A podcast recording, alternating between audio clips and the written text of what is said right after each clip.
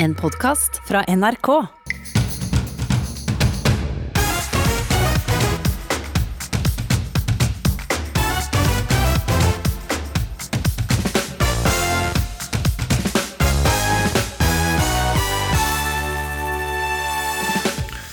Syke og gamle isoleres og nektes besøk. Stikk i strid med løfter om å lære av forrige koronabølge. Kreftsyke Trude vet ikke om hun tør å legges inn igjen på sykehus. Jeg syns jo det er ille at en må kjempe for å få ha sine nærmeste hos seg. Bli med til Østre Toten. Der bruker de ansatte nå penn og papir. Og telefaksen er tatt frem igjen etter at et dataangrep lammet kommunen. Og 89 år gamle Annelise Kirsebom vil ha bordell i Norge. Slikt blir det debatt, debatt av med barnebarnet. Altså, øh, jeg, er jo, jeg er jo ganske uenig. Og vi møter nordmannen som jobbet for Joe Biden. Om fire dager er hans tidligere sjef president i USA. Velkommen til ukeslutt denne lørdagen. Jeg heter Vidar Sem. Under hele koronapandemien har vi hørt at smitterestriksjonene er der for eh, at de mest sårbare blant oss skal skånes for å unngå smitte. Men hvordan er livet til de mest sårbare nå?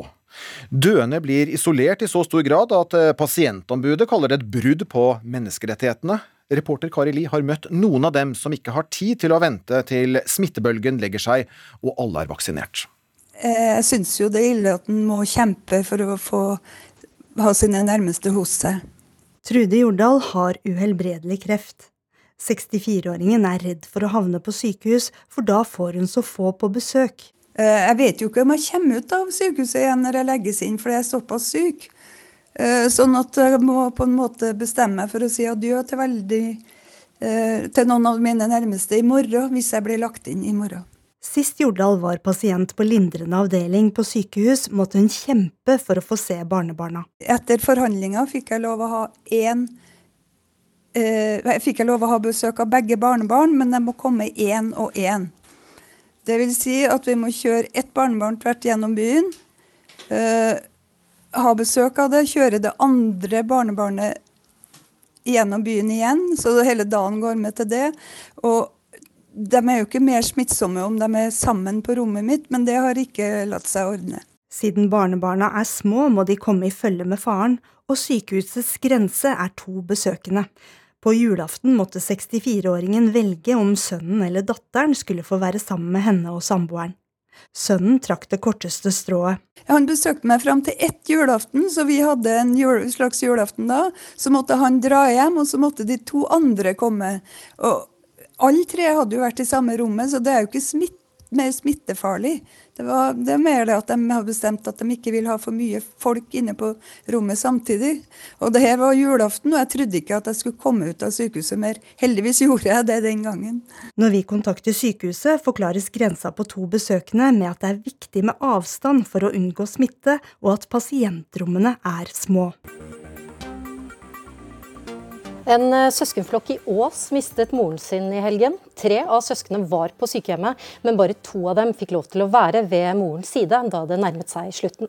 Etter at koronapandemien kom til Norge, har media jevnlig meldt om frustrerte pårørende som nektes adgang til døende. Ti på halv kom hun, og fikk ikke lov å komme inn.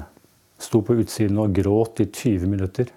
Torleif Baltzersen fortalte i november om hvordan sykehjemmet nekta søsteren å komme inn til deres døende mor. Men som, som sider, altså valgte min eldste bror da, å gå ut for at søsteren min skulle komme inn. Da. Og Idet hun er på vei inn, så dør da min mor. Da. Så hun fikk jo ikke oppleve faktisk at akkurat når mor døde. da. Bent Høie, hjerteskjærende å bli avvist fra dødsleiet til sine egne foreldre. Hva sier du? Nei, Det er det. Eh, og Derfor har vi vært veldig klare i de retningslinjene som vi har gitt, at uansett smittesituasjon så skal en få være sammen med sine nærmeste på, på dødsleiet. Denne uka i Oslo. Mari Falk står foran Solvang helsehus og ringer på. Hallo? Ja, det er Mari Falk igjen. Jeg skal opp igjen til Morten Falk. Ja, kommer du hen til deg. Takk. På et rom innafor kan hun nå treffe faren så mye hun vil. Da sitter jeg ved siden av ham og holder ham i hånda, stryker på han og snakker med han sånn som vi ville gjort hvis han vi visste at han hørte oss. Ja. Mm, sier at vi er glad i han, og at vi er hos ham. Mm. Falk, som sjøl er lege, har kjempa mot flere helseinstitusjoner som hun mener har isolert faren. Da pappa var på sykehuset nå før jul, så vi, blir vi ringt fordi de tror det er eh, så alvorlig at han ikke overlever natten flere dager på rad. Og det vil si at vi er de samme menneskene som er inne i avdelingen, og så plutselig er han litt bedre, og kanskje litt våken. Det vil si at vi kanskje kan kommunisere med han, men han er fortsatt såpass ustabil at det kan bli dårlig igjen. Men likevel da så er han utenfor umiddelbar livsfare, og så får vi ikke komme. Og da har jo vi nettopp Fordi han var bedre. Da den døende faren kom tilbake på sykehjemmet, fikk Falk beskjed om at hun kunne besøke ham én gang per uke. Ja, jeg, man blir jo fortvila. Eh, redd for at eh, den siste gangen jeg traff han allerede har vært. Etter at Falk delte sin frustrasjon på Facebook og sto fram i Dagsavisen, har hun fått mange henvendelser. En av dem fra en mann som mista søstera si i fjor sommer. Hun var bare 38 år og døde av kreft med en begrensning på to av sine nærmeste. Og det vil si at hun kunne ha moren sin og ektemannen sin der, mens hennes bror og far ikke fikk komme inn. Ifølge Oslo kommune var det en feil at Falk fikk besøksbegrensning nå som faren er døende og ligger på lindrende avdeling. Jeg er veldig glad for at media tar opp de sakene hvor eh, det her har skjedd eh, ting som ikke vi ønsker skal skje. Helge Jagman er direktør i sykehjemsetaten i hovedstaden. Jeg ønsker at folk i større grad tar kontakt med institusjonen, og tar eventuelt kontakt med organisasjonen Sykehjemsetaten i Oslo. Så skal vi se å finne løsninger på dette hvis det er slike situasjoner. Dette er det veldig vanskelig å forstå. Pasientombudet i Oslo og Akershus, Anne Lise Christensen, leser saken om Falk og faren hennes. Altså, det er jo hjerteskjærende historier vi hører, og det er historier vi også kjenner fra henvendelser hit til vårt kontor. Vi har jo eksempler på at man bare får lov å sitte to stykker på dødsleie, sånn at én og én må bytte med en som står utenfor sykehjemmet. Og da må man traske inn og ut av sykehjemmet hver annen time etter min oppfatning så mangler det gode smittevernfaglige vurderinger som kan ligge til grunn for slike bestemmelser. Eh, og når man ikke kan ha gode eh, faglige begrunnelser for hvorfor man ikke skal få besøk, så er det et brudd på menneskerettighetene. Den 12. mars, da var vi tatt i fjor, var vi tatt veldig på senga. Men nå tror jeg at vi må forsøke å eh, finne bedre, mer fleksible løsninger for grupper som er veldig avhengig av pårørende. Kreftsyke Trude Jordal vil gjerne slippe å kjempe for å få besøk neste gang hun havner på sykehuset. Nå er det veldig mye snakk om dugnad og være lydig, men eh, jeg tror vi må diskutere dypere enn som så nå. Vi må diskutere dypere enn som så nå, sa altså Trude Jordal. Og assisterende helsedirektør Espen Rostrup Nakstad i Helsedirektoratet. Hva tenker du når du har hørt denne reportasjen? Det er jo hjerteskjærende historier, og det er jo eh, veldig gode eksempler på hvordan dette ikke skal praktiseres. Eh, så det gjør inntrykk å høre disse historiene. Dere veileder jo helseinstitusjonene i Norge. Det å begrense antall pårørende som kan besøke den dødssyke til et minimum, er dette i tråd med rådene dere gir? Ja, det er gitt ut en nasjonal veileder eh, for dette, både ved kommunale helse- og omsorgsinstitusjoner og for så vidt også for sykehusene.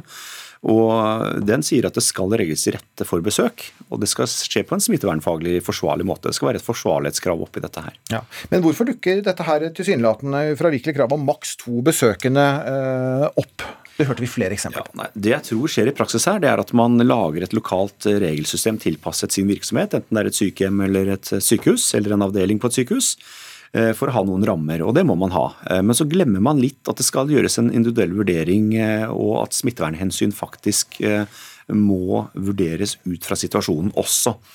Er det regelrytteri? Ja, altså, bakteppet her er egentlig at det har vært mange alvorlige utbrudd av smitte på sykehjem og også på sykehus, som er veldig redd og engstelig for å få det inn. Og Hvis ikke man har strenge regler, så vil man ha store smitteutbrudd, og det vil gå utover veldig mange pasienter. Så For å forhindre det, så må man ha noen regler og kjøreregler og, og smittevernregler. Men så er det praktiseringen av de reglene som vi egentlig nå snakker om, hvordan de praktiseres på en fornuftig måte. Det er egentlig der hele hele problemstillingen ligger. Eh, og, og, der, ja, og, der, burde det være en bedre skjønnsmessig vurdering?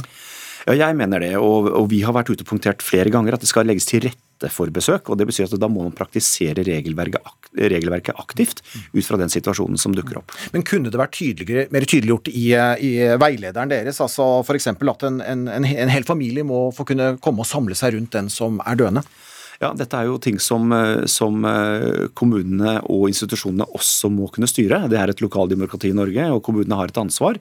Og så er det problemer at Hvis du sier en hel familie, så kan det også bli mange familiemedlemmer. Sånn at eh, her igjen så er det ikke så lett å, å sette en absolutt grense nasjonalt. Mm. Pasientombudet i Oslo og Akershus sier at det mangler gode smittevernfaglige begrunnelser for besøksrestriksjoner. Og der det mangler det, så er det brudd på menneskerettighetene. Er du enig?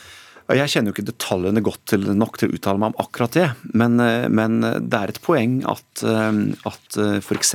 hvis familiemedlemmer i en husstand skal på besøk, og det er god plass, så er det ikke noe bedre smittevern at én av tre står utenfor, og så går man inn og ut hele tiden av bygget. Det er et, et eksempel på en, en, dårlig tilpasset vurdering. Mm.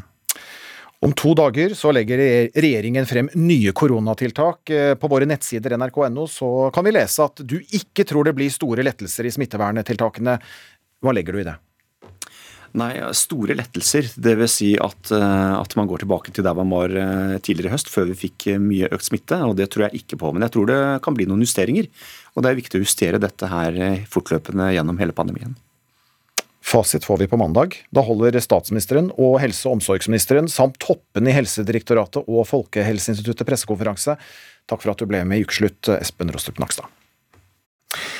Tenk deg en norsk kommune der post, bud og faks er måten å kommunisere mellom kommunens ulike etater, og alt journalføres med penn og papir.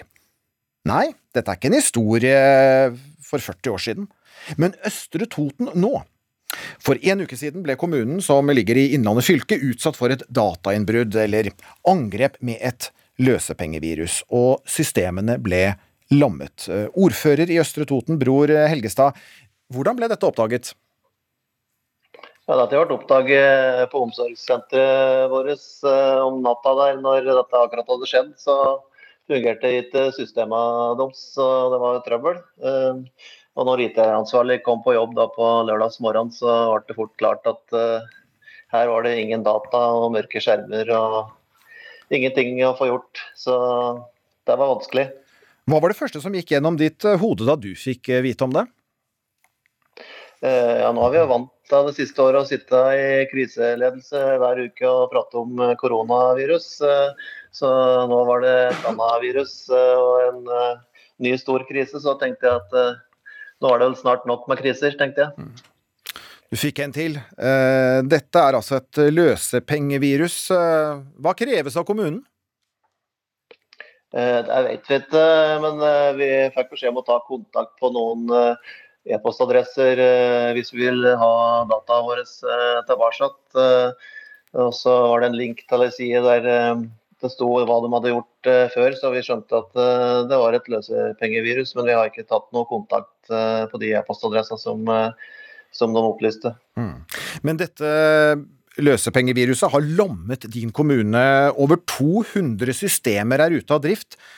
Hvordan foregår det daglige arbeidet i kommunen, som har 15 000 innbyggere nå? Det er jo fryktelig tungvint. Eh, vi har ingen e-post eh, før eh, på mandag. Og så er det sånn at på sykehjemmet så er det et signalanlegg som er nede. Så der må det tilkalles hjelp gjennom bjeller. Og på helsestasjonen f.eks. så skal vi registrere vaksiner, og de skal inn i et system som heter SYSVAK, men der får vi ikke til, så da må vi sende brev for å få noen andre til å, til å gjøre det. Så så, og saksbehandlingssystemer er nede, så da vi sagt at det går an å avspasere, for det kommer til å bli en arbeidstopp når dette her kommer tilbake. Så da er det greit å ha avspasert litt, så en er klar når det, når det braker løs igjen. Jeg har også skjønt at uh, dere har børstet støv av en faksmaskin? Ja, vi må jo kommunisere med sykehuset og sykehusapoteket fra omsorgssenteret vårt. Så da fant vi en uh, faksmaskin som uh, som uh, vi hadde, som vi kunne ta i bruk. Det høres jo litt sånn eksotisk og spennende ut, men jeg kan love deg at uh, vi er avhengig av å være effektive i omsorgssektoren. Uh, så dette er ikke noe lettvint. En stor krise for oss som kommune. Mm. Og sikkert ikke så effektivt heller at alt skal journalføres med penn og papir. Nei, nå må det journalføres med penn og papir, og vi er opptatt av å ta vare på de opplysningene som vi journalfører på penn og papir, og måtte etterlyse et låsbart skap som vi kunne ha papir i. Eh, så det er en ny verden for oss. Olav Skard, du er leder for Nasjonalt eh, cyberkrimsenter ved eh, Kripos. Er det første gang en norsk kommune er rammet i så stor grad som Østre Toten? Ja, Det er da første gangen etter det vi ser at en kommune er langt, rammet så hardt av et løsepengevirus. Mm. Og løsepengevirus, ja Altså, Kan det beskrives som et ran, altså der pistol og fysiske penger er byttet ut med, med virus og bitcoin? Ja, det kan du, det kan du godt si. Mm. Eh, det er altså Innlandet politidistrikt som etterforsker dette dataangrepet med eh, bistand fra dere, så eh, du vil ikke spesifikt kommentere etterforskningen. Men hvem kan disse bakmennene være? De er, eh, de er, mange, de er godt organiserte, og de samarbeider om å ta kontroll over informasjon og datasystemer. De kan sitte hvor som helst i verden. Og de er ute etter penger. Det er uh, utgangspunktet. Mm. Og Toten kommune, er, eh, som nå er rammet, er, er, langt fra den eneste. Her i Norge også har vi opplevd datainnbrudd eller hackerangrep. Både bedrifter og enkeltpersoner er rammet. Kan du gi et eller annet tall på hvor stort omfanget av dette her er?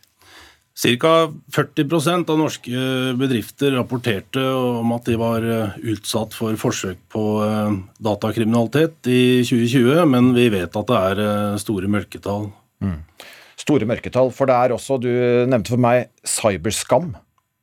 Ja, vi, vi, ser jo det, og dette er jo sikkert det samme som skjer når noen blir utsatt for noe annet ubehagelig. at det første, altså Man har liksom ikke noen trang å, for, å fortelle noen om at at noe galt har skjedd.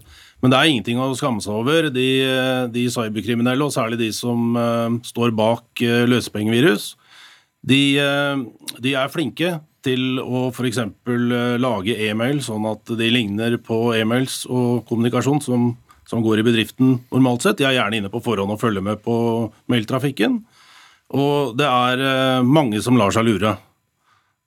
Og mange som betaler løsepenger også, eller?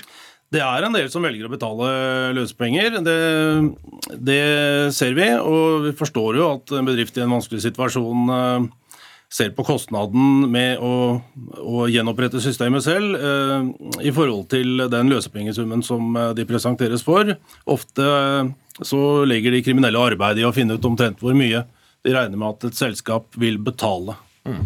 Uh, ja, og En annen ting er, som de kan sitte på, er jo sensitiv informasjon. altså I kommunens eh, systemer så er det masse opplysninger knyttet til innbyggerne, og også private opplysninger av sensitiv art.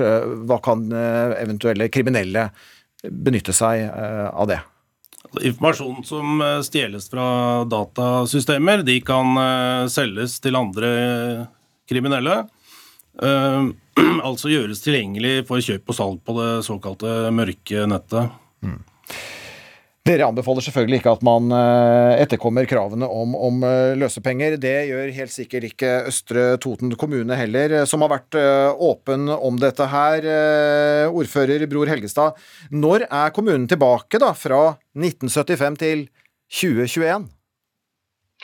Ja, Vi håper det går fort, men uh, det tar noen uker. Og så er det sånn at uh, grunnleggende infrastruktur må være frisk og i orden. Vi, og, og, det må bygges systemer oppå der gradvis. Så Det går litt sakte nå i starten, og så går det litt fortere og fortere. Men uh, vi skal være tilbake i løpet av noen uker.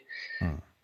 Og en erfaring rikere, og, og um, kanskje en lærdom som andre kommuner bør, bør, kunne også ha nytte av. Og ja, Oppfordringen må vel være at uh, faksmaskinen uh, bør beholdes på, på, loftet eller hvor den nå står, og vedlikehold håndskriften.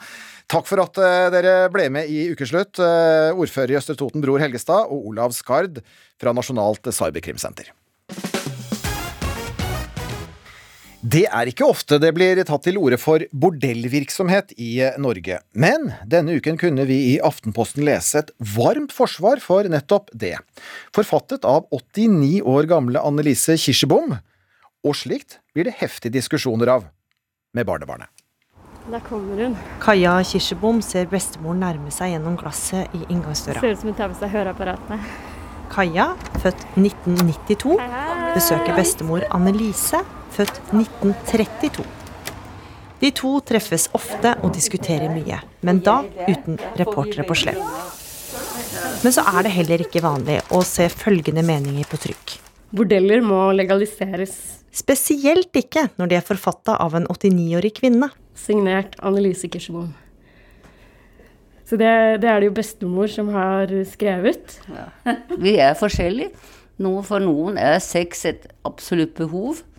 Og ja, da er det kanskje greier å ha et sted som er litt under kontroll. Og selv om barnebarn Kaja er dypt uenig i standpunktet Jeg mener ikke at eh, staten skal regulere for eh, kjøp og salg av, av sex. Er det takket være henne bestemorens innlegg endte i avisa.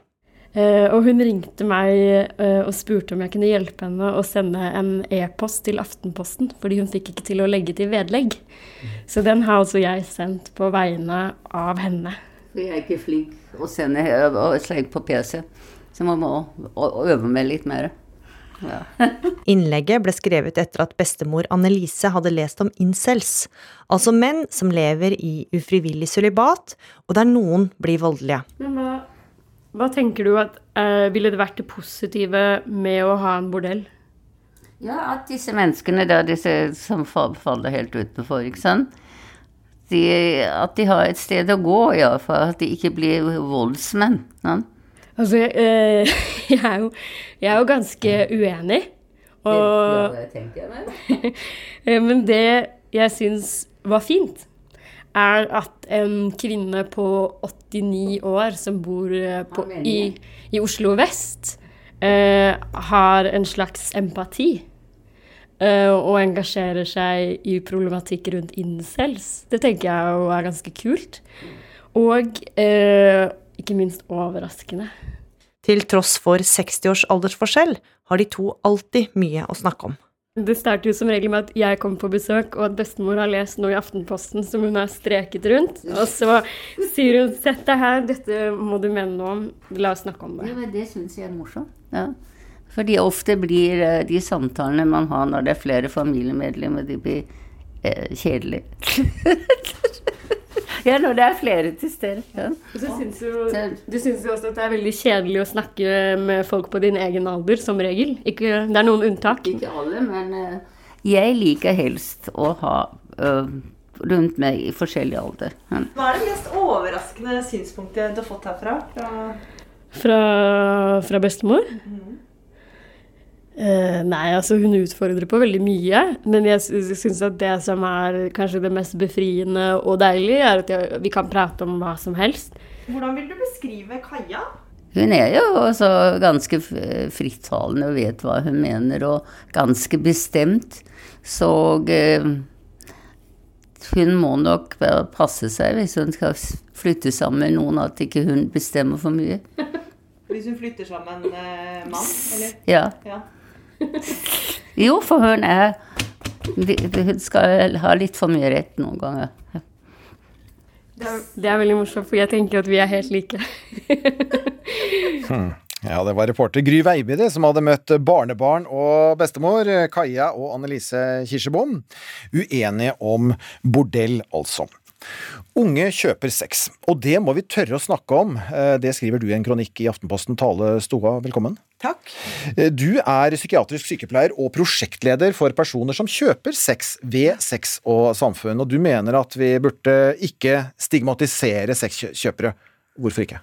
Nei, jeg tenker at eh, hvis vi eh, stiller med en eh, ikke-dømmende holdning når personene kommer til oss, så vil det skape en, et rom for å kunne reflektere selv over egne handlinger. Og kanskje nettopp det skal til for at personer tør å oppsøke hjelp. Og kanskje de da ønsker å slutte eller å redusere. For jeg tenker at hvis man stigmatiserer dette i samtale med disse personene, så vil det være veldig vanskelig for dem å oppsøke hjelp. Men det er jo en kriminell handling etter at eh, sexkjøploven ble vedtatt eh, her i landet, så det, det, blir jo som å si at vi ikke skal stigmatisere en, en kjeltring. Eh, burde da heller bli lov å kjøpe sex igjen? Ja, Nå tar ikke Sex og Samfunn standpunkt akkurat i sexkjøpsloven, men jeg tenker at vi vet at eh, sexkjøp eh, skjer. Eh, og da er det fint å ha et tilbud hvor mennesker kan komme uansett om det er eh, ulovlig eller ikke, da. Mm. Så tenker jeg jo at vi jobber mot å forebygge sexkjøp gjennom det prosjektet, da. Og ikke følge da at det blir anmeldt, for det gjør dere ikke? nei, vi samarbeider ikke med politiet, og det er litt sånn viktig å si til de personene som kommer til oss, for de er ofte veldig redde for at vi har en, et samarbeid med politi. så det er mye sånn paranoia knyttet til det, da. Mm. Ane Stø, leder i eh, kvinnegruppa Ottar. Ja, du er ikke enig i at en avstigmatisering er løsningen. Eh, hvorfor ikke? Så, bare for å si det først. Eh, jeg er veldig enig i at helsepersonell og behandlere ikke skal møte sine klienter med en fordømmende og moraliserende holdning. Altså det, det tenker jeg er Og hvis det er slik at veldig mange av de som Eh, som følger opp unge sexkjøpere, eh, har, altså møter ungdommen med fordømmende holdninger, så tenker jeg at da, da er det viktig, den debatten som, som du reiser. Men mange vil nok lese kronikken din som at vi som samfunn ikke skal fordømme og ikke stigmatisere. Og der er jeg nok veldig uenig. Fordi både så har vi jo fordømt, vi har sagt at sexkjøp er forbudt. Det er jo ikke bare slik at at sexkjøp går utover den enkelte sexkjøpers eh, ja, personlige ve og vel. Eh, altså, man gjør jo en handling som, som, krenker andre mennesker, eh, og derfor er det jo forbudt i, i samfunnet. Og det, og det, vil jeg holde fast på. Altså, og jeg synes det må være Det er greit at samfunnet fordømmer disse handlingene, selv om du som helsearbeider selvfølgelig ikke kan gjøre det i personlige møter. Ja. Jeg bare tenker sånn eh, eh, Jeg er enig i at eh, dette er noe ulovlig. Og det er jo veldig mange også blant sexkjøpere som stigmatiserer det de selv har gjort og gjør. Men jeg tenker at det er litt skummelt hvis vi som samfunn skal sette mer stigma Eh, rundt dette her, fordi helsepersonell blir jo også preget av samfunnet vi lever i. Eh, og jeg møter veldig mange helsepersonell som eh, møter nettopp mennesker som har kjøpt sex med den stigmatiserende holdningen, og da blir det veldig vanskelig for disse personene, spesielt kanskje hvis de er unge, å oppsøke hjelp. Da. Mm. Og Er ikke det et poeng da, Anøstø, at uh, de som oppsøker hjelp, uh, hvis de ikke føler seg stigmatisert, så kan det nettopp være at de får den hjelpen som trengs, og kanskje det blir mindre sexkjøp av det òg? Ja, eller så kan det jo være sånn at Grunnen til at de oppsøker hjelp, er fordi de eh, kjenner på at de har gjort noe galt. Eh, at de eh, skammer seg fordi de har brutt sine egne forventninger til seg selv eller samfunnets forventninger og tenker at dette er et problem. Eh, og hvis vi som samfunn eh, fjerner det stigmaet, stigma, fjerner den skammen, så vil det jo være slik at unge menn går rundt og kjøper sex og syns at det er helt ok ting å gjøre. Så Derfor så tenker jeg at samfunnets fordømmelse er, er, viktig, men det er ikke det samme som at terapeuten skal innta den samme holdningen. Mm. Når det gjelder samfunnet, så er det ingen nåde for en angrende synder, eller? Altså Nåde er det jo. altså ja, Man må jo oppsøke behandling. Eh, jeg syns jo at politiet burde håndheve sexkjøpsloven uh, mye mer. altså Arrestere og bøtelegge og de, de unge sexkjøperne. Men de sexkjøperne som kommer, hit til Sex og Samfunn, da burde de anmeldes og, og eh, arresteres? Sex, sex, og samfunn bør ikke anmelde dem. Nei. Det syns jeg ikke. Men det er ingen motsetning med at politiet arresterer og bøtelegger, og at Sex og Samfunn kan bidra med terapi og, og oppfølging. Altså Tvert imot tenker jeg at det, det, fyller jo ut hverandre på en veldig god måte. Tallet sto i Sex og Samfunn. Altså Hvor stort eh, problem er dette her? Hvor, hvor store mørketall vet dere noe om det?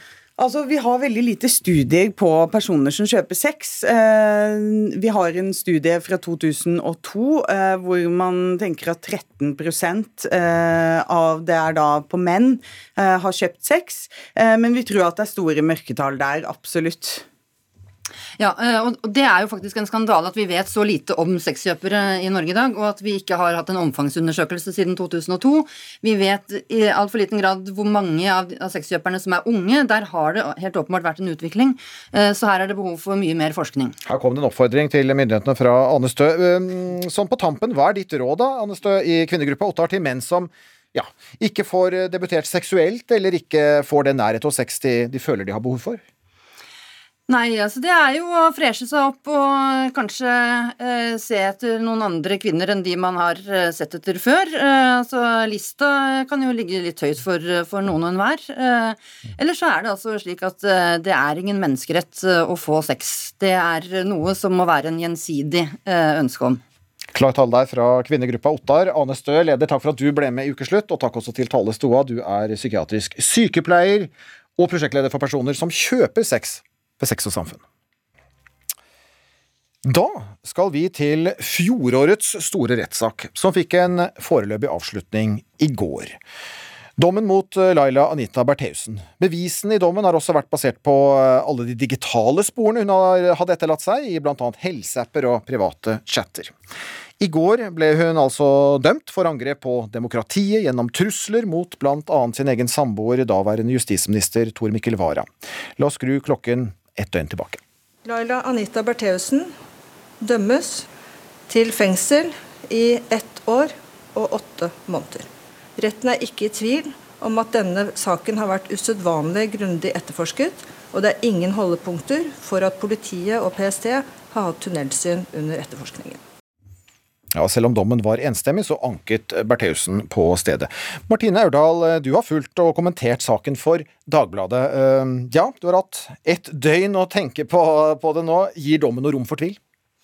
Dommerne er ikke i, tvil, i, tvil, i det hele tatt. Da måtte de jo også frifunnet Bertheussen, men de er veldig sterke i, i, ordbruken på hvert eneste punkt. Hun er ikke trodd på noe av hennes forklaring, verken der hun har hatt alternative forklaringer, eller der hun ikke har husket og har åpnet for at det kan være andre mulige enten tilfeldigheter eller forklaringer bak disse sammentreffene da, som bygger en del av disse indisiene.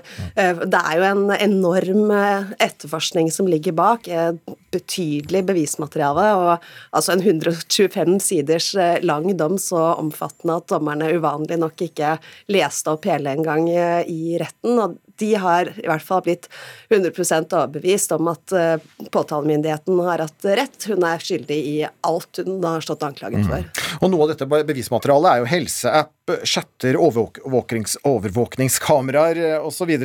Hvor viktig har alle disse digitale sporene vært for domfellelse? Veldig viktige. Eh, det er jo veldig mange ulike indisier og tekniske bevis i denne saken på nesten alle hendelsene. Det er jo åtte hendelser totalt hun har stått uh, tiltalt og nå er dømt for i Oslo tingrett. Men det er jo særlig denne siste natt til 10. mars 2019, da uh, Politiet ble overbevist om at det ikke kunne være noen andre enn henne som sto bak. Hun var alene hjemme. Uh, bilen ble påtent utenfor huset, og i retten fikk vi se en video som jeg ikke tror det har vært vist maken til i norsk rett i noen sak noensinne, som var en sammenstilling altså av data fra hennes mobiltelefon og denne helseappen som du nevner. Det var øh, bevis på når kameraene utenfor var skrudd av, og, det, og, også bevegelsessensorene på lysene rundt huset. Dette er fra to forskjellige steder inne i huset, og hun var altså alene hjemme. Man kunne se når døra ble åpnet og lukket, når bevegelsene på telefonen viste at hun var i bevegelse, og altså etter at døra ble lukket igjen og sensorene og kameraene skrudd på, så kunne man se at det brant i bilen. Og dette var nok altså det enkeltstående, mest overbevisende punktet i, som påtalemyndigheten la fram i retten, og som dommerne også la stor vekt på i dommen. Mm. Lars West Johnsen, politisk redaktør i Dagsavisen. Eh, ja, under rettssaken så har vi fått vite mange detaljer, som vi også hørte her, om Bertheussens liv. Du sier det var en vekker for deg. Hvordan? Ja, når man ser denne, dette livet bretta ut i sin, i, i sin fulle bredde med, med, stort og smått, eh, så syns jeg det er skremmende å se hvor mye myndighetene kan vite om oss. Mm. Eh, hvor vi går, vi, og til og med hva vi tenker, hva vi snakker med vennene våre om. Vi lever i et, i et, skriftsamfunn, vi deler ting på chat med hverandre. Eh, alt er um, etterprøvbart for myndighetene, og det er fint i en gemyttlig kontekst som vi egentlig er i dette landet her. Men vi, hva vet vi om Norge om ti år? Men hva, Hvordan tror du det hadde sett ut om dine chatter ble offentliggjort? da? Eh, nei, hvis jeg hadde vrengt livet mitt eller Martines eh, inn og ut, eh, og, og alle chatter og alle, all dialog vi har hatt med folk, kontekstløst, så tror jeg vi alle hadde sett ganske dumme ut. Ja, hva sier du til Martine? Bekymret om alt ble brettet for, for, din del? jo, men altså, jeg tror eh, både at eh, vi som jobber med tekst og i pressen, nok er mer forsiktige med hva vi skriver eh, i, Altså hva vi skriver ned, enten mm. det er på mail eller på chat, enn mange andre, og at likevel så har nok helt sikkert samtlige eh, skrevet ting som vi helst ikke skulle ha sett blåst opp på en skjerm, verken her eller der. Og én ting er jo altså her, i denne saken så har jo Bertheussen selv gitt politiet passordet til sin Facebook-konto, slik at de kunne gå inn og se på dette. Men da hopper man jo også over det at Facebook sitter jo på all den informasjonen hele tiden. Eh, og det gjør også veldig mange andre private selskaper, da. Eh, jeg går jo til og med med en sånn klokke klokke som maler pulsen min når jeg sover, til og med. ikke sant? Altså, det er jo eh, vil etterlater oss skremmende mange tekniske spor som til sammen gir altså full informasjon om hva vi driver med til enhver tid. Og dersom vi skriver ned, også hva vi, eh, også hva vi tenker. Og så blir vi litt sånn eh, oppvekket av og til, Lars Wes Johnsen. Denne rettssaken her fikk deg til å, å, tenke litt mer rundt dette her. Hva har det gjort da med dine valg? Med Nei. å legge igjen digitale spor? Nei, det har nok ikke gjort så mye med min, med, med min, hverdag. Men det har gjort noe med eh, Jeg tror det er, hele den saken er, altså det er bi, et biprodukt av denne saken. Altså, her kommer jo liksom, Sannheten kommer for dagen, og det er bra. Men det er et biprodukt er jo dette enorme tankekorset her. Hvor mye vi etterlater oss av spor, og hva man kan finne ut om livene våre. Eh, og Det er noe som heter personvern, det er noe som heter privatliv. Og jeg tror vi legger ganske mye av dette personvernet i potten for å få lov til å ha nye duppedingser og GPS-er og klokker og helse WhatsApper osv. osv. Så, videre. så jeg tror, vi, jeg tror vi er ganske naive da, i forhold til hvor mange spor vi etterlater oss, og hva myndighetene veit om oss. Og jeg tror på sikt ja. så tror jeg det er et demokratisk problem. for Jeg tror vi da, jeg, jeg synes jeg ser det på ungdommen. altså De er, de er liksom konformitetssøkende. Eh, de lukker seg litt. Det er bedre å holde seg i midten. Og jeg tror at den, på sikt så kan det utvikles en slags selvsensur. Man vet at folk følger med, så er det bedre å holde igjen.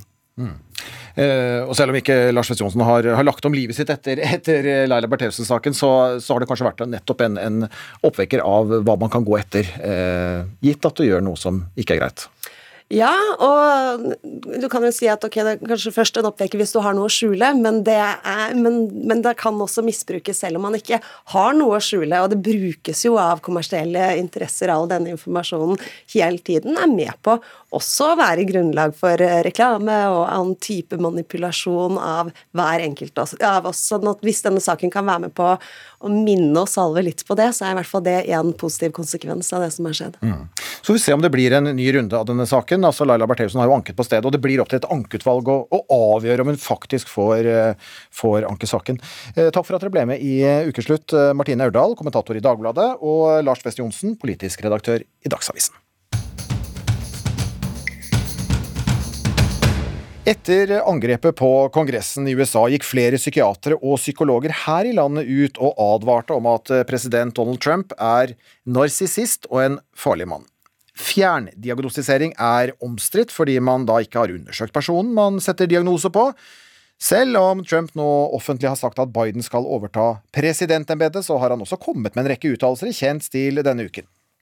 It's absolutely ridiculous. This impeachment is causing tremendous anger.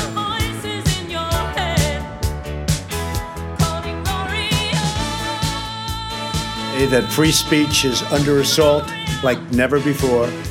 The 25th Amendment is of zero risk to me, but will come back to haunt Joe Biden and the Biden administration. As the expression goes, be careful what you wish for.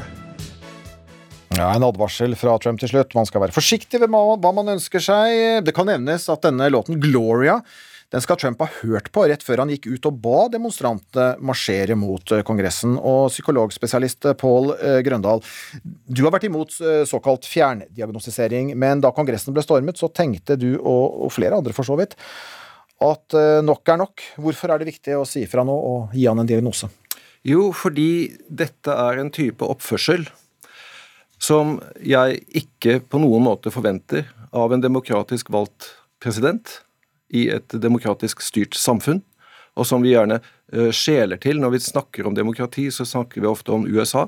Og her ser vi altså en president som overhodet ikke oppfører seg etter noen som helst regler. Han følger sitt eget hode, sine egne innspill innfall, ideer, tanker som ser ut til å være styrt av impuls. Og da tenkte jeg at nå må jeg faktisk tillate meg sjøl å si ifra at dette her er galskap, og dette tyder på en mental lidelse. Mm. Eh, det har vært andre eh, fra din stand ute eh, tidligere, i hvert fall i, i USA. Du, men nå er du ute med en diagnose. Ja, hva er den sannsynlige diagnosen da, til Trump, slik du ser den? Ja, det jeg har tenkt, og det kommer liksom noe overrasket på, på, så mange, nemlig at han har en narsissistisk personlighetsforstyrrelse. Men jeg tror han har eh, det vi kaller den ondartede formen for narsissistisk personlighetsforstyrrelse. Du kan si at det er en mer intens variasjon av narsissistisk personlighetsforstyrrelse. Og, og narsissisme, eh, personlighetsforstyrrelse, det, det er liksom kjennetegnet ved veldig lite empati, eh, grandiositet, eh, sterkt behov for oppmerksomhet, sterkt behov for beundring hele tiden. Vi ser på disse massemøtene han driver på med. Veldig utnyttende i mellommenneskelige relasjoner. Dette er narsissistisk personlighetsforstyrrelse. Det som gjør denne ondartede verre, er jo innslaget av paranoiditet, sadisme og antisosiale handlinger. Altså, Sadismen er jo tydelig hos ham, hvordan han karakteriserer sine motstandere. Hillary Clinton var liksom en skurk, andre er idioter, tåpelige osv. osv. Han stoler ikke på noen annet enn seg sjøl. Eh, og han, eh, han, trekker jo USA ut av alt mulig, stoler bare på det er bare oss, USA, det er paranoiditeten som kommer inn da. Så det er en veldig intens form for narsissistisk personlighetsforstyrrelse. Men er det greit å gi Trump en så alvorlig diagnose som du, du, du faktisk gjør, uten å ha, ha, møtt mannen og undersøkt ham? Mm. Hadde du spurt meg for uh, to uker siden, så hadde jeg sagt nei, det er jo egentlig ikke det. Selv med Trump har jeg liksom holdt kjeft, da. Uh, men jeg har tenkt det hele tiden. Men denne gangen var det så ille, det han gjorde. Han manipulerte en menneskemengde til å angripe en demokratisk institusjon. Og da tenkte jeg at dette må vi si fra om at dette er en mental lidelse som er styrt Mm. Altså Han er styrt av denne mentale lidelsen. Mm. Men det du gjør, er også etisk betenkelig? Ja. Donald Trump har få dager igjen som president. altså Under normale omstendigheter så, så rydder vel en avtroppende president seg ut uh, av Det hvite hus, takker av sin stab og stiller opp på, på innsettelse av en ny president, uh, for deretter å ønske den nye presidenten velkommen til Det hvite hus. Trump han dropper innsettelse og velkomst. Uh, nå har det jo kommet med en uh, fjerndiagnose her, Pål uh, Grøndal. Hvordan tror du de siste dager da, som president er for Donald Trump? Jeg har vel en fornemmelse at han for det første av situasjonen er veldig presset, slik at han uh, viser på en måte de verste sidene av seg selv. Med enda flere beskyldninger, dobbeltkommunikasjon, manipulasjon, sparke folk, og folk trekker seg fra ham også. Ikke minst. Sånn at jeg tenker at det er en presset president som fortsatt ikke erkjenner et nederlag. Han, jeg, jeg, tror, og dette er glatt, altså, for jeg har jo ikke snakket med han, jeg tror at han nå sitter og tenker at hele verden er idioter. I hvert fall de som trekker seg fra ham. Og jeg tror han begynner å innbille seg selv at han faktisk vant det valget. Mm. Men det er bare få dager til nok. Kameraene skrus, altså fokuset er ikke like sterkt på han som det har vært. Nei, men jeg tror vi kan regne med at han kommer til å sørge for at kameraene er mot ham, for han ernærer seg av oppmerksomhetens rampelys.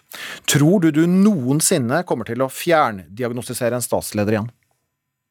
Basert på min historikk så er, det, så er statistikken nei, det kommer jeg ikke til å gjøre. Men nå har jeg gjort det, og skjer noe lignende igjen, så er det vel noen av oss som jobber i psykisk helsevern, som faktisk sier at vi må si fra.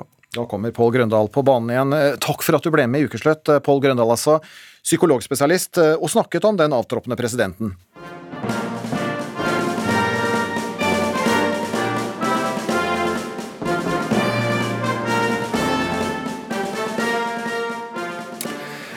Ja, Om fire dager er det klart for presidentskiftet i USA. Joe Biden tas i ed som amerikanernes neste president. Camilla Harris som visepresident. Dette er normalt en storslagen seremoni med et folkehav samlet utenfor den amerikanske kongressen der eden avlegges. Men årets seremoni har et eh, dystert bakteppe. En eh, koronapandemi og et eh, splittet USA i spenning etter angrepet på Kongressen. USA-korrespondent Veronica Bestrin gir oss et bilde fra den amerikanske hovedstaden bare dager før den store dagen. Det er helt uvirkelig å gå rundt i gatene her nå. Overalt så er det politisperringer, det er satt opp jernringer rundt den amerikanske kongressen. Du må gjennom sjekkpunkter for å komme inn der. Det er bevæpna militære og masse politi til stede. Og inne i kongressen så ligger jo soldatene strødd på gulvet eh, og sover. De spiser der inne. Og de fortalte jo at eh, mange av dem ikke har fått noe sted å bo. Så det er, det er, det er he, helt spesiell følelse nå å, å, å være her. Hvordan blir selve innsettelsesdagen på onsdag? Den blir jo også helt annerledes enn hvordan den pleier å være. Ehm, nå skal eh, Lady Gaga synge nasjonalsangen, og Jennifer Lopez kommer til å opptre, så det kommer til å være et opplegg opplegg, eh, leda av Tom Hanks eh, på TV. Men det kommer jo ikke til å tiltrekke seg de massene sånn som man pleier. Nå er bare håpet til alle at den faktisk kommer til å foregå eh, med det arrangementet som er planlagt. Nå har de akkurat utsatt innsettelses, altså øvelsen til innsettelsesseremonien som skulle være på søndag. Den er utsatt til mandag nå. Sterke begrensninger under denne innsettelsen. Da Barack Obama ble president, var han eh, innom ikke mindre enn ti offisielle ball. Eh, hvor mye fest blir det egentlig for Biden? Gjennom hele valgkampen til Biden så har vi jo sett at han eh, har hatt små samlinger med avstand, i motsetning til Trump, som har samla store masser. Så det kommer jo ikke til å være ball og festligheter her i Washington DC, også pga. disse strenge koronareglene som, som Biden har fulgt. Ja, det sa vår USA-korrespondent Veronica Westin. Og jeg tipper at eh, Biden også var på en god del fester på, på innsettelsesdagen den gang, da han eh, ble visepresident under Obama. Men ikke i år, altså. Lars Fredrik Riddervold Nordin, velkommen til ukeslutt. Takk skal du ha. Under andre omstendigheter skulle du gjerne vært til stede på Capital for å hylle din tidligere sjef? Ja, absolutt. Det er jo en stor dag som har blitt preget av mye tull de mm. siste ukene. Mm. For du har faktisk jobbet under Joe Biden eh, for vel å merke ja, mange år siden. Du var analytiker, ja. ja. du var analytiker i det amerikanske senatets utenrikskomité. Joe Biden var din sjef. Eh, hvordan var han å jobbe under? Nei, Han er en veldig sympatisk fyr. Uh, han er en brobygger. Han jobber mye bak kulissene for å få frem gode avtaler. Han blir jo da mange ganger sett på som en som ikke klarer å få gjort noe. Eh, men det er fordi han er veldig effektiv som sagt, bak kulissene. Mm. Men en sympatisk fyr som lytter og er interessert i forskjellige meninger. Mm. Hva var det han som gjorde størst inntrykk på deg? Nei, Det største var vel når som uh, ny analytiker så kommer man inn i et møte med han. Det er på, på sett og vis som å være en ny siviløkonom som begynner å jobbe i en bank. og Så er det jo et møte med toppsjefen. Um, og så var han interessert i å høre hva, hva jeg mente om forskjellige ting. Og, og, det er jo litt sånn uh, rart. Uh, du føler litt uh, oi, som om han som var jo allerede da en veldig kjent senator, at han da skulle bry seg om hva jeg mente, men han ville spesifikt høre hva jeg hadde å si, fordi han visste jeg hadde en europeisk bakgrunn og ville høre det perspektivet. Mm. Og det gjorde inntrykk? Ja, absolutt. Du har svensk far og norsk mor, men har i store deler av livet bodd i USA og var republikaner.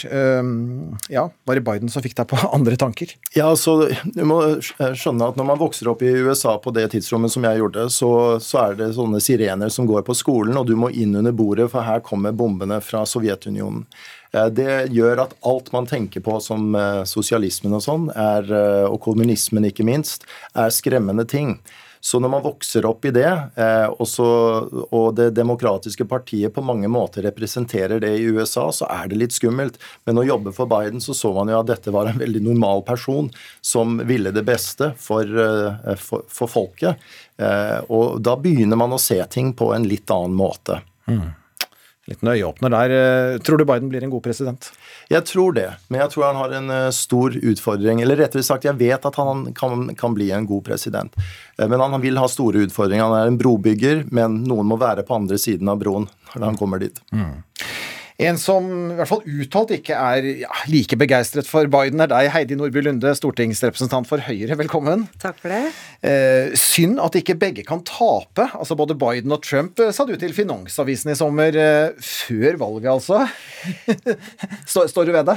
Nja, altså ja, ja, jeg gjør vel egentlig det. Det var et uttrykk for min indre republikaner, hvor jeg er jo fiskal konservativ og har stått for de liksom, klassiske konservative verdiene i, innenfor det republikanske partiet, som jo er Abraham Lincolns parti, mannen som gikk til borgerkrig for å fjerne eh, slaveriet i USA. Og jeg syns ikke Trump eh, har, har, opprettholdt disse, disse, verdiene, samtidig som jeg har vært uenig med mye av det som demokratene har stått for, utenrikspolitisk og også innenrikspolitisk. Mm. Men jeg er veldig glad når jeg hører også Lars Fredrik Lundin her snakke om Biden som en brobygger, og jeg håper også at det står noen på den andre siden for å kunne bygge den broen til. Mm. Det står også en bak ham. Eh, eller under ham. Altså, du er nemlig begeistret for den kommende visepresidenten, eh, Camilla Harris. Eh, ja, som til og med er lenger til venstre politisk enn presidenten. Og som du sa, det bor en republik republikaner i deg. Hvorfor er du så begeistret for henne? Du, Det er mulig at det er fordi at vi er så sultefòra på anstendighet, empati og, og, og, sympatiske mennesker i Det hvite hus, men når hun kom på scenen og skulle holde sin seierstale etter, etter valgresultatet, så ble jeg bare oppriktig begeistra og oppriktig glad. Hun fremstår som et menneske som er lyttende. Hun uh, forteller om sin bakgrunn som datter av en indisk mor immigrant til USA. Hun um, har jo altså Hennes karriere viser jo at dette her er jo en dame som virkelig har noe å, å, komme med. Og rent politisk sett så kjenner jeg meg jo igjen i veldig mange av de tingene som hun står for. Nemlig at hun er for likestilling, abort, LHBT-rettigheter, og som taler veldig til mitt liberalkonservative hjerte, kan du gjerne si. Mm. Lars Fredrik Riddervold Nordin, som jo har hatt Biden som sjef. Er du like begeistret for Cabla Harris som, som Heidi Nordby Lunde er? Ja, jeg er faktisk det. Jeg syns at hun blir eh, malt kanskje for altfor mye liberal, som hun eh, egentlig er. Men det er en sterk kvinne. Hun har eh, mangfoldig bakgrunn, eh, og jeg tror det er faktisk nøyaktig hva USA trenger. Mm. Og så nærme verdens mektigste stilling har ingen kvinne hittil klart å komme ja, Camelot Harris blir altså visepresident, eh, og Heidi Nordby Lunde, tror du hun i løpet av de neste fire årene kommer til å overta som president?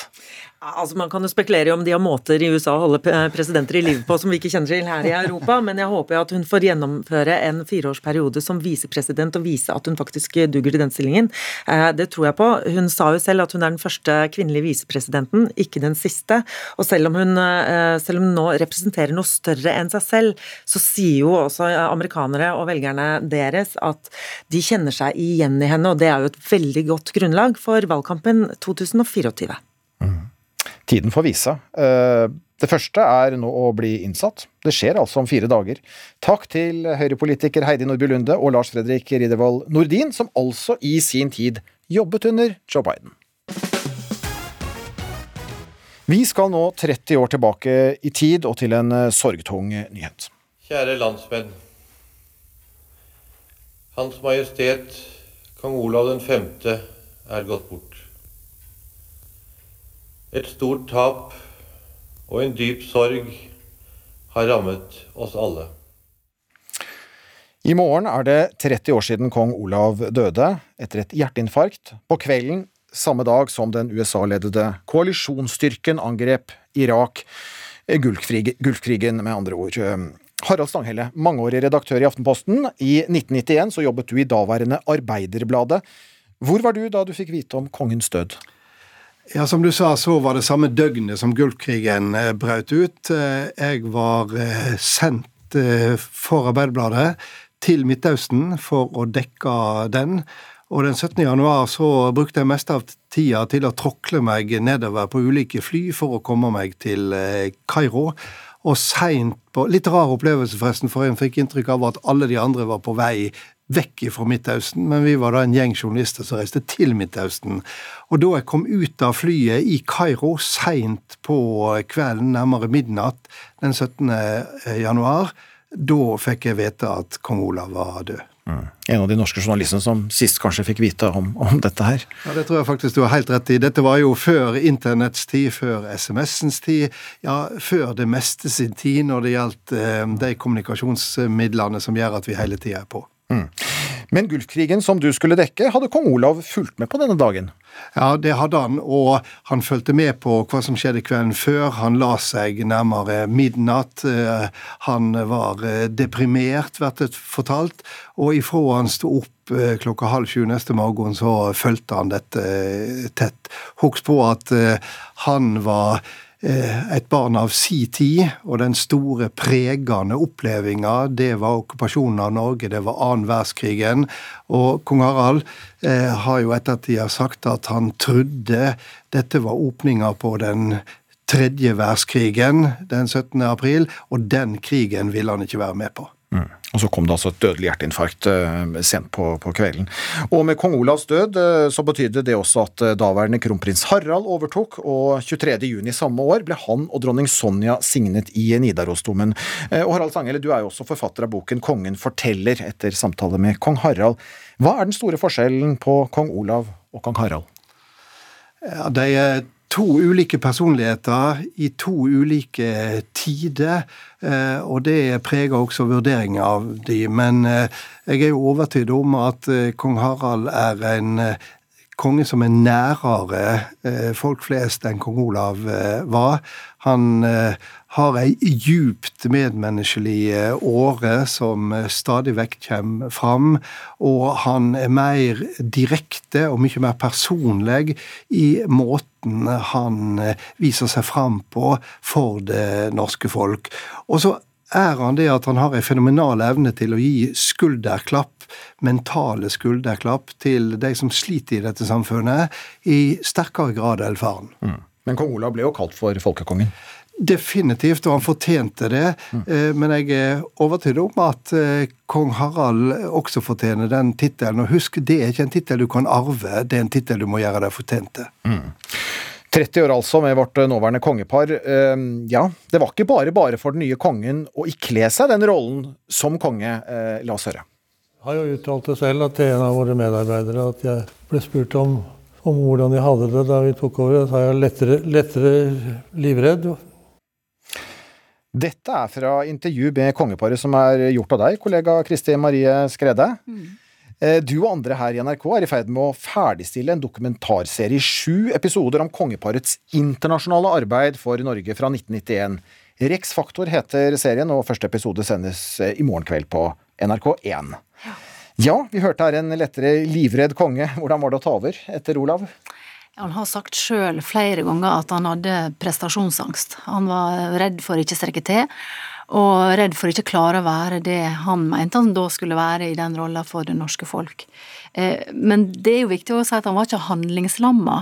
Han eh, tok veldig fort grep. Han var nok godt forberedt på at det måtte endringer til, og tok grep for å både modernisere hoffet og husa og, og, alt det, og han markerte seg tidlig, vil jeg si, med å være offensiv med å reise ut til nordmenn som var ramma av orkanen året etterpå. Mm. I starten så fulgte kongeparet i kong Olavs fotspor ved utenlandsreiser, ja, med noe helt spesielle tradisjoner. Bare hør her. Til å begynne med så gjorde vi jo nesten på kong Olavs måte. Og så formet vi jo mer og mer etter vårt etter hvert som vi fikk litt erfaring, da.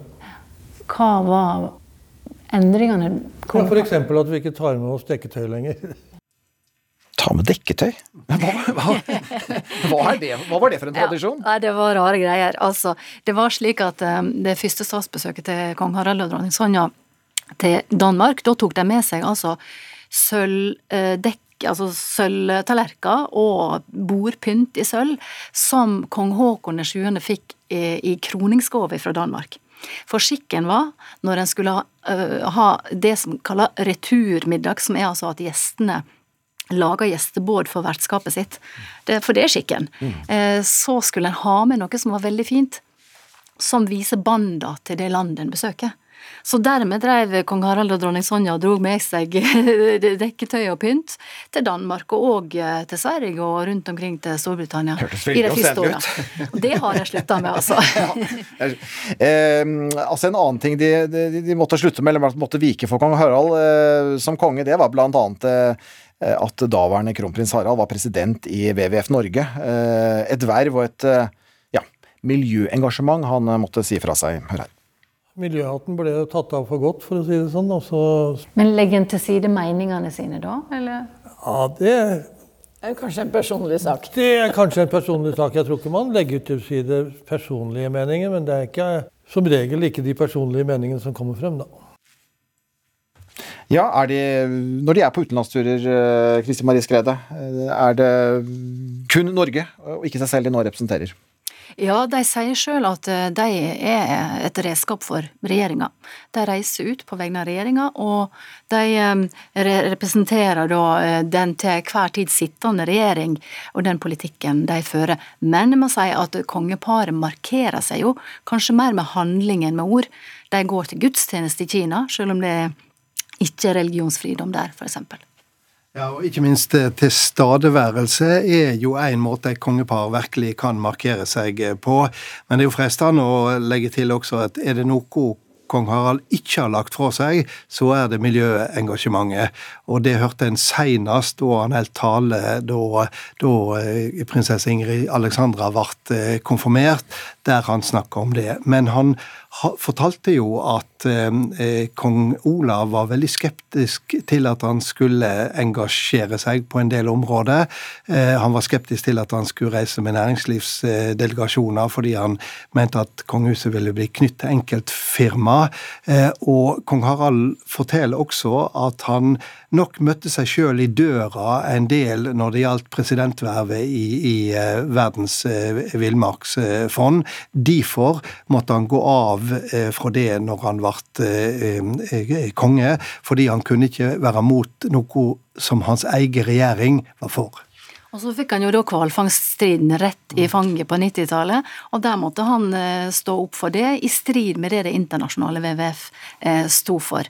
Eh, og det er derfor han sier at han tok av seg miljøhatten da han ble konge. Hvalfangerne ville jo at han skulle gå av som WWF-president før han ble konge. Mm, men men ringen det, gjorde- det gjorde han ikke. Han tenkte seg om, som han sa, men han holdt fram. Mm. Og ringen er litt sluttet med altså. Ringen er jo eh, slutta på en måte nå. Nå var han eh, en forgrunnsfigur i, innsamlingsaksjonen, og nå er han vel blitt høy beskytter for nettopp Verdens villmarksfond.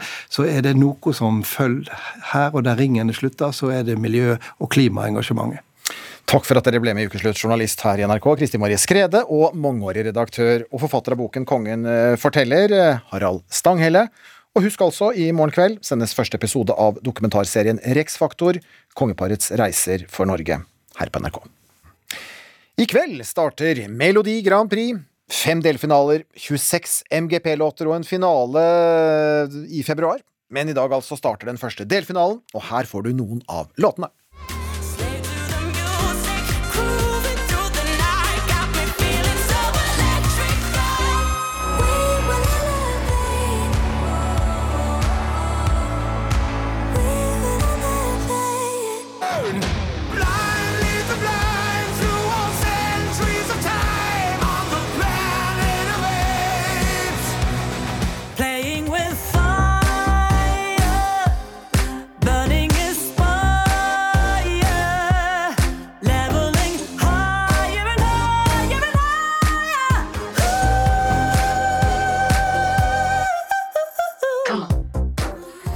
Ja, til slutt hører vi din sang, Beate Lech, også kalt Bidi Bell. Eh, Du er på Fornebu utenfor Oslo, du, på arenaen der det hele skal foregå.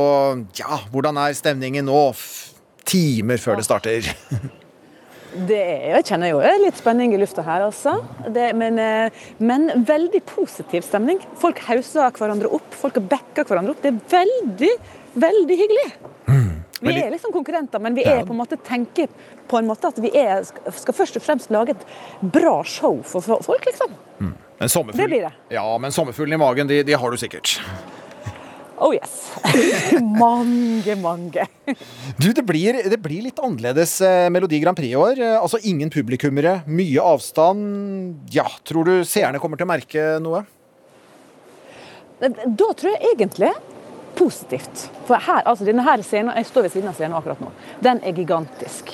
Eh, Det er nok et sånt lysapparat og greier her som er bare noe så hinsides. Så altså, Det er jo blitt kompensert, kan du si. Det at ikke det er publikum i salen gjør. Dette her er ikke et liveshow, dette her er et TV-show. Og det, jeg tror det blir veldig bra TV, rett og slett.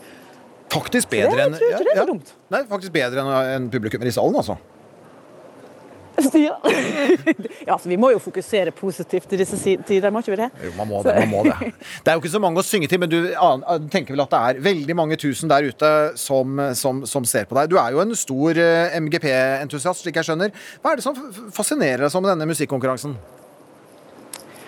Uh, altså det, det som er fascinerende, En av de tingene som er fascinerende, er jo at det er den ha, det har en historisk sus over seg. Den har jo vart så lenge. Det er like lenge som Dagsrevyen omtrent. Oldemora mi så på eh, Grand Prix. liksom. Alle vet hva Grand Prix er for noe.